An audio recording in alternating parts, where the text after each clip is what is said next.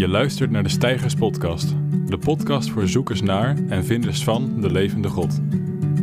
In deze podcast verdiepen we ons in de grote vragen over God, het geloof en het leven. We zijn daarbij meer dan een podcast. We zijn een kerkplek in Bergshoek waar we met elkaar samenkomen. Iedereen is welkom, ongeacht je achtergrond en visie op het christelijk geloof. De opname die je straks hoort is een gedeelte van onze tweewekelijkse samenkomst. Wil je meer weten over stijgers? Dan komen we graag met jou in contact. Je kunt onze socials en onze contactgegevens vinden in de beschrijving van deze aflevering.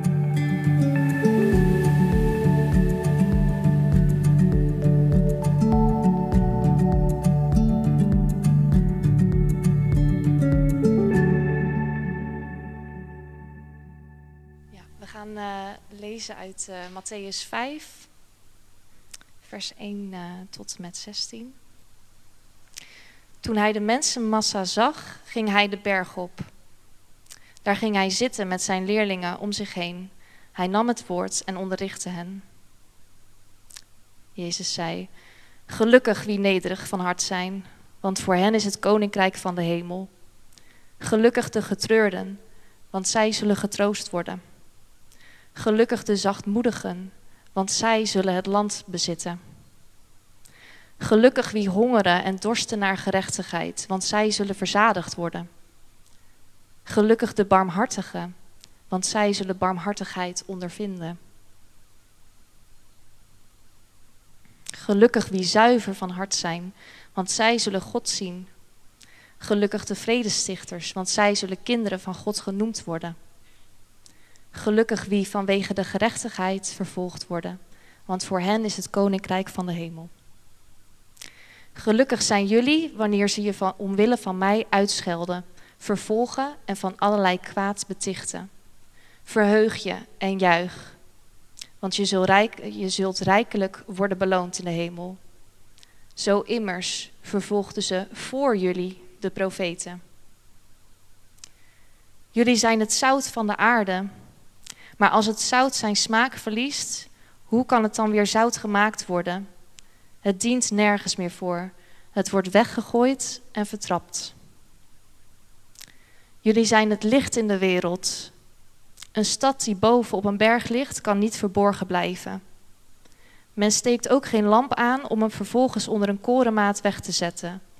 Nee, men zet hem op een standaard, zodat hij licht geeft voor ieder die in huis is.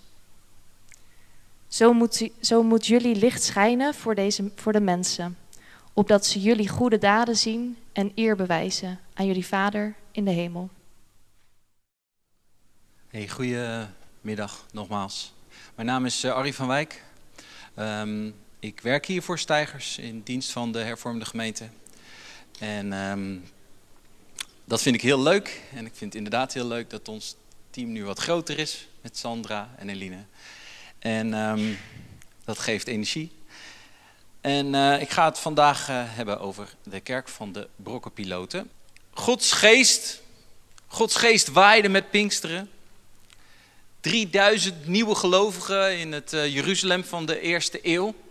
3000 nieuwe gelovigen, joh, dat, dan zouden we hier uitverkopen een paar keer, denk ik. Hè? Oh, ja, dat propvol. En Gods goede nieuws verspreidt zich als een lopend vuurtje door, de, door, door het Romeinse Rijk. En overal ontstaan uh, nieuwe kerkjes met een mix van vrouwen en mannen, uh, slaven en slavenbezitters, joden en niet-joden. Het is echt een unieke mix, alles door elkaar, opvallend en fundamenteel anders dan de omgeving.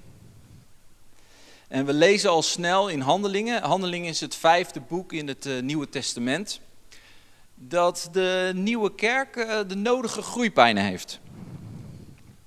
Als het gaat om bezit, als het gaat om doop en avondmaal.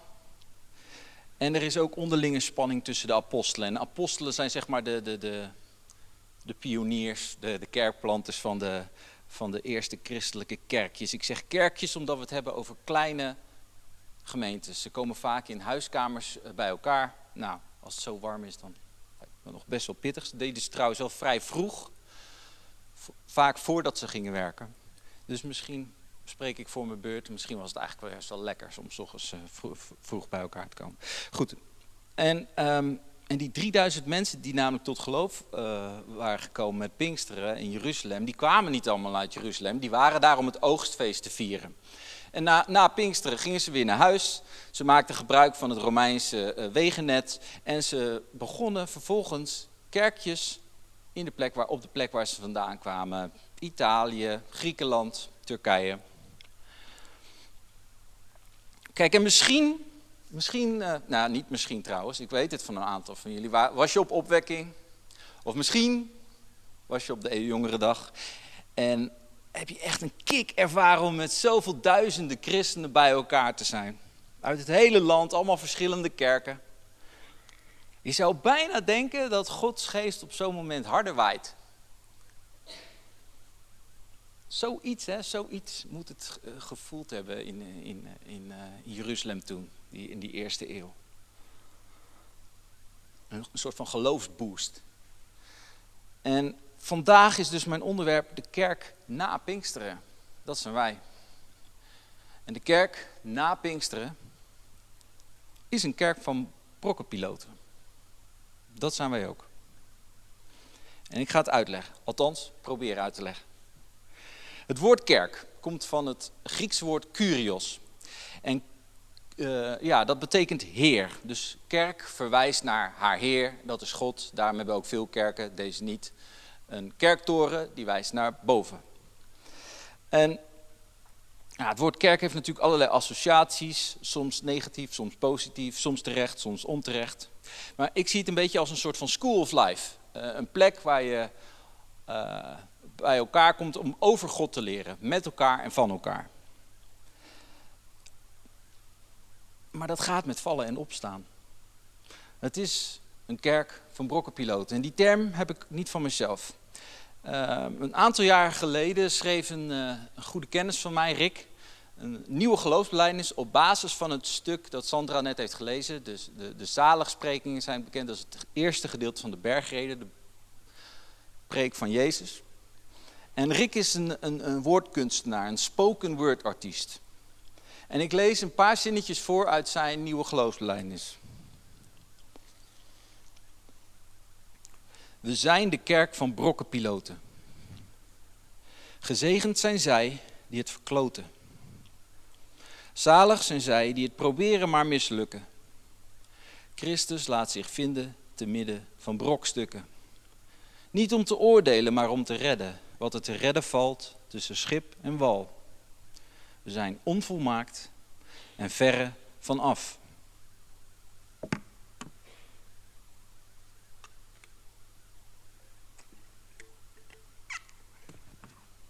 Goed, wat, wat maakt de kerk na Pinksteren? Ik benoem vandaag twee dingen. De kerk is een rommeltje. We zijn een verzameling brokkenpiloten. Maar Gods zegen breekt dwars door die puinhopen heen. Dus de kerk is een rommeltje. Maar Gods zegen breekt dwars door die puinhopen heen. En beide punten zien we al in de Bijbel. En ik hoop dat als we dit ook in onze levens gaan zien, dat wij ook een zegen kunnen zijn voor anderen. Nou, Jezus begint zijn preek, hè, dus de bergreden, begint hij met zegenen. En dat komt heel erg naar voren in de Engelse vertaling. Blessed are the meek, blessed are the merciful. Gezegend staat er. En in de vertaling die we net lazen staat er gelukkig wie. En dan kan je het idee krijgen dat het gaat om gewenst gedrag. Nou, als je, je bent gelukkig als je dat en dat wordt of bent. Maar dat staat er niet. Jezus zegent de armen. Jezus zegent de vredestichters. Jezus zegent de mensen die in verdriet leven. Het is een heel bijzonder rijtje als je dat nog een keer leest. En het roept bij mij de vraag op: wie voelt zich nou gezegend? Nou, als je leven niet zo gaat als, dat het, als je zou willen dat het gaat. Als je leven eigenlijk gewoon meer overleven is. dan ben je niet bezig met het tellen van je zegeningen, maar je bent bijvoorbeeld bezig met het omdraaien van elke cent om de dag of de week door te komen. En precies dat zijn de mensen waar Jezus naast gaat staan. We vieren in de kerk niet ons verdriet, maar we poetsen het ook niet weg. We vieren dat er meer is dan gebrokenheid. God zij dank. En Jezus geeft in die, in die bergreden een toekomstbeeld. Eh, ik, ik, ik, vergelijk het met de I have a dream speech van Jezus. Hij zegent mensen die aan de rand van de maatschappij staan. De mensen die niet scoren ten koste van anderen. Jezus zegent de mensen die wij niet zo snel zouden zegenen. En Jezus neemt de pijn van hun leven serieus. En hij maakt het niet mooier dan het is. Een, ehm, een onderzoeksbureau uh, stelde begin dit jaar aan 2000 niet-gelovige christenen, of uh, niet-gelovige uh, Amerikanen, dus een onderzoeksbureau stelde begin dit jaar aan 2000 niet-gelovige Amerikanen de vraag: waarom heb je vragen bij het christelijke geloof? En er kwamen een heleboel antwoorden op, maar ik geef jullie de top 5. Dus ik geef de top 5 van antwoorden op waarom heb je vragen bij het christelijk geloof. Nummer 5. Vanwege alle conflicten in de wereld. 24% Nummer 4. De waarheidsclaim van één religie. 29% 3. Het lijden van mensen. 30% 2. De wetenschap. 31% En met stip op 1 hypocriete, liefdeloze gelovigen. 42 procent. Dit jaar onderzocht. Kijk, die belangrijkste reden bij nummer 1 werd gegeven: gedrag van christenen, ruzies in de kerk, liefdeloos oordelen over de buitenwereld, behandeling van vrouwen, misbruik, de moeizame verhouding ten opzichte van homo's. Het klinkt allemaal bekend in de oren. En toch, ik word er stil van.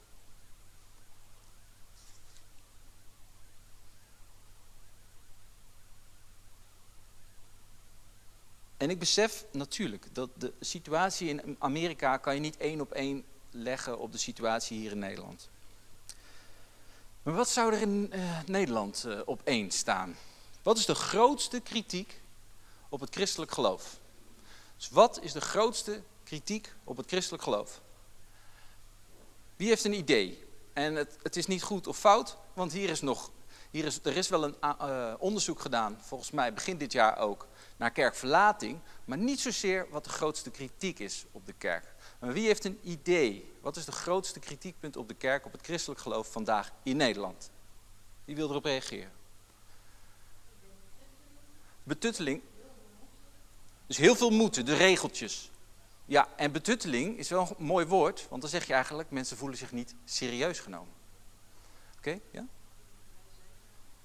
Het wij-zij-verhaal. Dat zat ook een beetje in wat ik net zei. Dus dat, ze dus, uh, dat je dus een soort van liefdeloze kijk op de buitenwereld. Wij doen het goed en zij niet. Ja, zeker het wij-zij-verhaal. Nog iemand in Nederland? Wat zou het grootste kritiekpunt zijn? Buitensluiten van bepaalde groepen. Ja. Buitensluiten van bepaalde groepen is denk ik ook, eh, veel mensen zijn daar kritisch op en verlaten daarom de kerken. Nog iets? Ja, ook daar?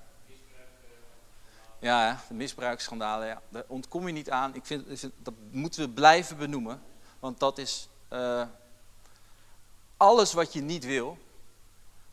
En dat moeten we ook niet vergoelijken of wegpoetsen, maar dat is een grote uh, litteken op de geschiedenis van de kerk. Ja, nog eentje? Ja.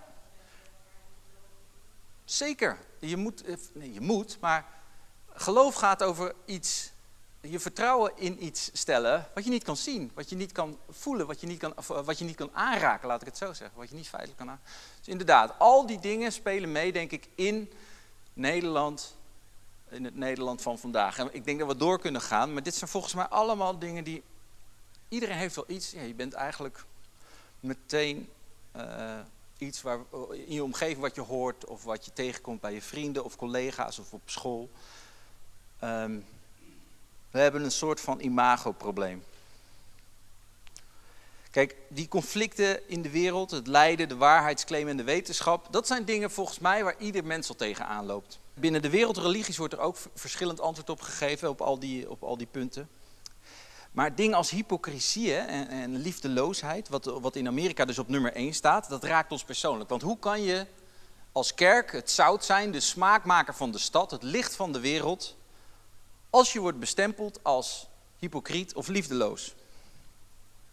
Nou, en uitgerekende bergreden, dus wat Sandra net eh, een stukje van heeft gelezen, keert zich tegen hypocrisie. Een beroemd citaat, het is ook een gezegde geworden ehm, uit deze preek, is oordeel niet, zodat er ook niet over jou geoordeeld wordt. we veroordelen anderen vanwege een splinter in hun oog, maar we zien de balk in ons eigen oog niet. Het is misschien zelfs makkelijker om iemand te veroordelen dan om iemand lief te hebben. En Jezus geeft in de bergreden liefde een nieuwe richting. Het is niet genoeg om van je naaste te houden.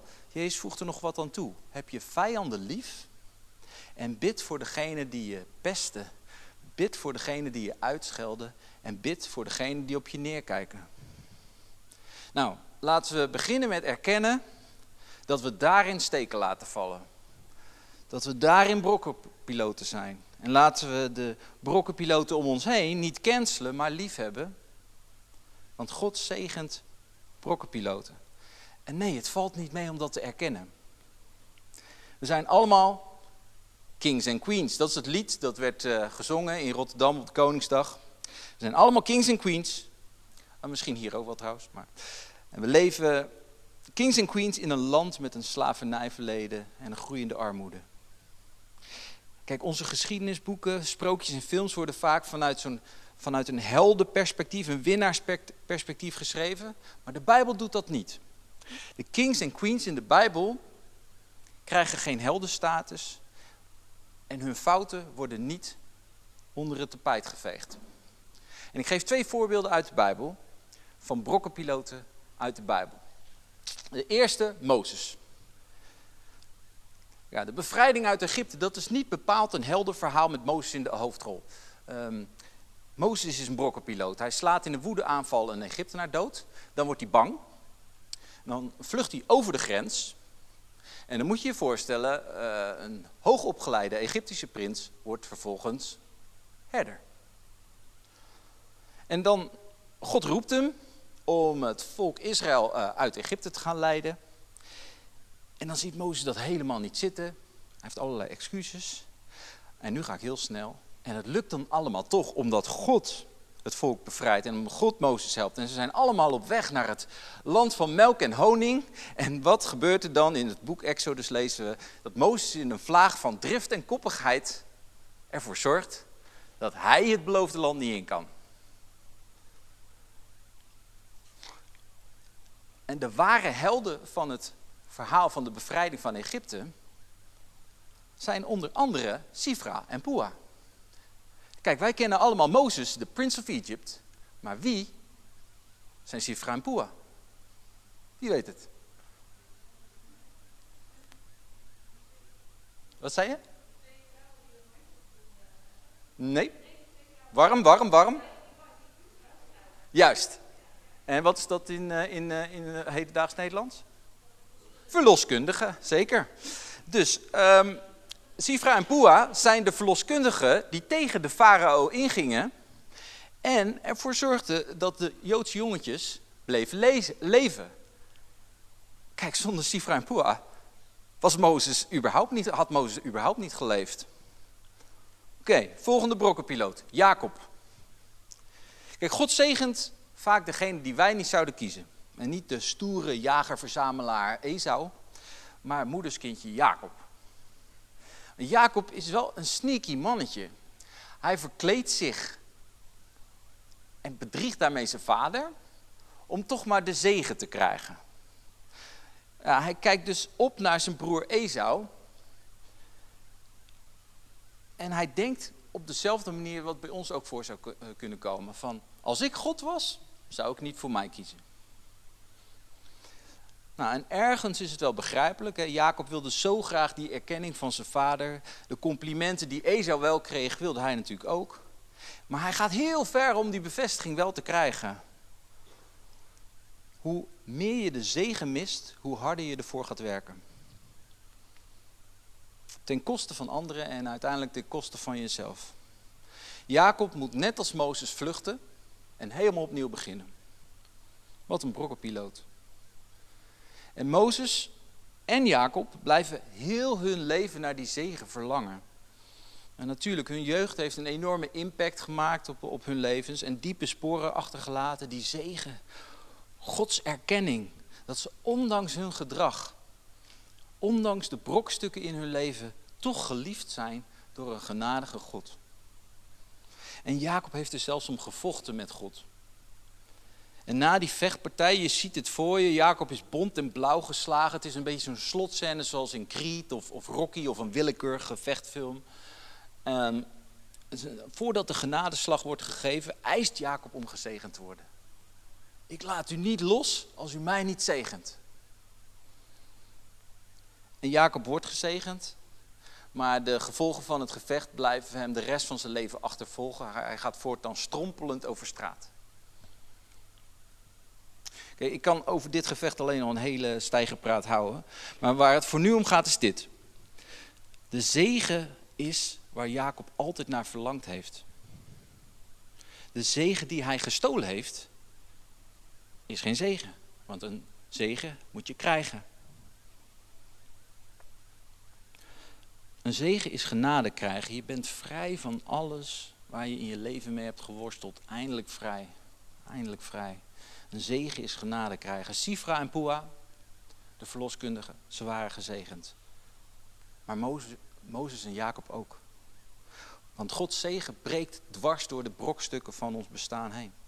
God zegent brokkenpiloten. Ja, Jezus is gekomen voor de brokkenpiloten. En dat lees ik in Marcus 5. En ik heb het ook op de beamer voor jullie.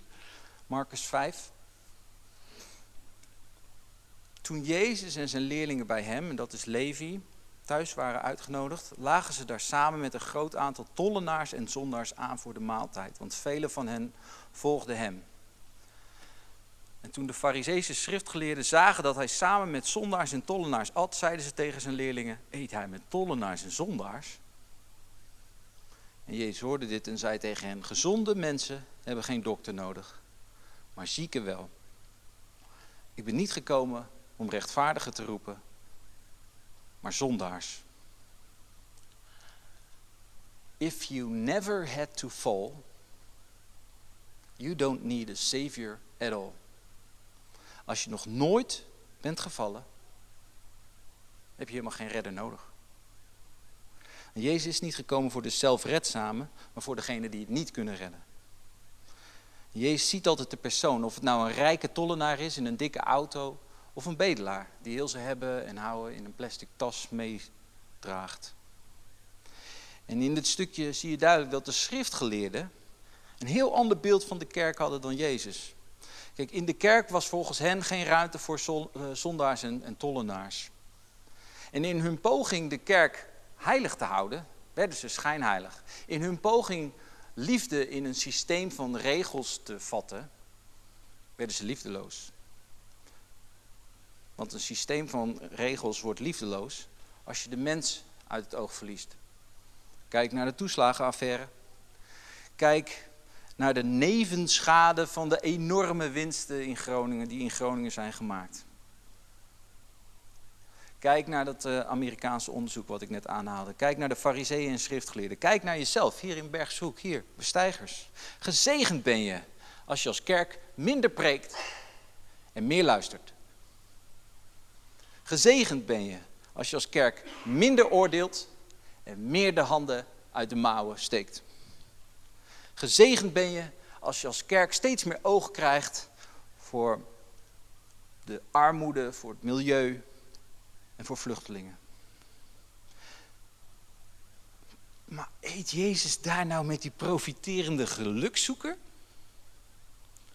Eet Jezus daar nou met die irritante klimaatdrammer?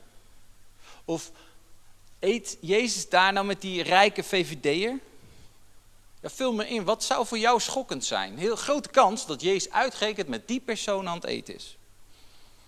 Niet om ons een lesje te leren, maar omdat Jezus gekomen is om te dienen.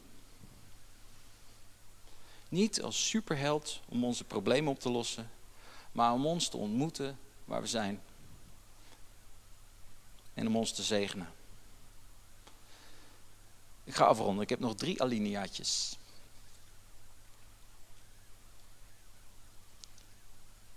De kerk na Pinkster heeft de taak, daar, daar sloot het Bijbelgedeelte mee af, om zout en licht te zijn. En dat lazen we in regel 13 en 14. En laten we daarom gul zijn in het zegenen. Laten we mensen ons vertrouwen geven. Laten we mensen een tweede kans geven, hoe moeilijk dat ook is. Wij hebben zelf ook een tweede kans gekregen. En in de Bijbel staan verschillende brieven aan al die nieuwe kerkjes in het Romeinse Rijk. En we lezen over hun groeipijnen. De geschiedenis van de kerk is niet fraai. En soms onvoorstelbaar gruwelijk. Maar God blijft zegenen. God blijft zegenen. Hij zegent zonder voorwaarden. In elke brief van al die kleine kerkjes staat altijd een zegen.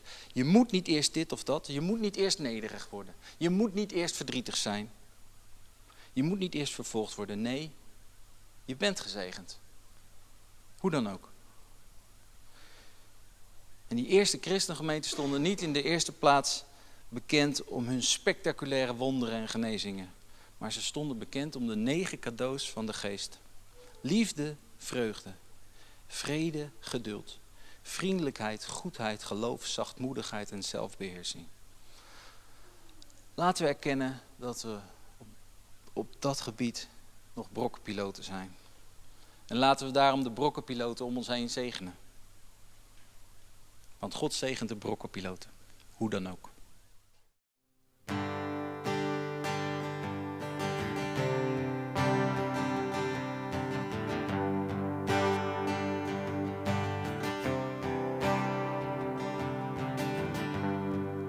Hear the voice of love that's calling. There's a chair that waits for you. And a friend who understands everything you're going through.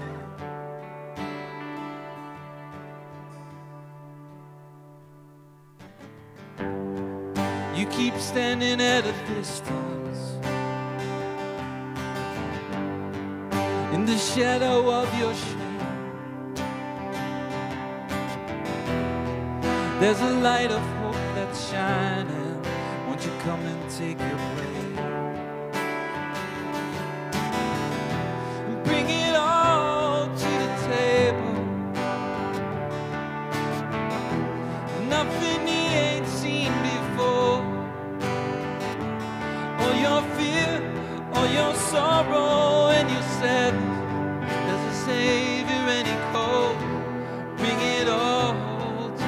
table. He can see the weight you carry, the fears that hold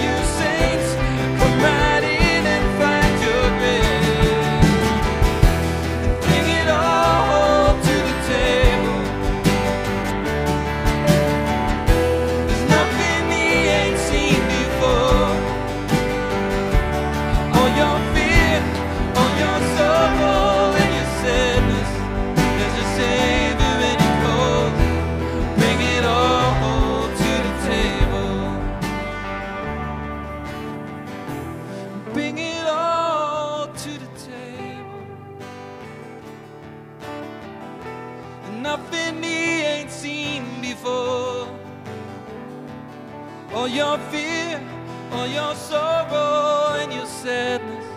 There's a Savior and He calls. Bring it all to the table.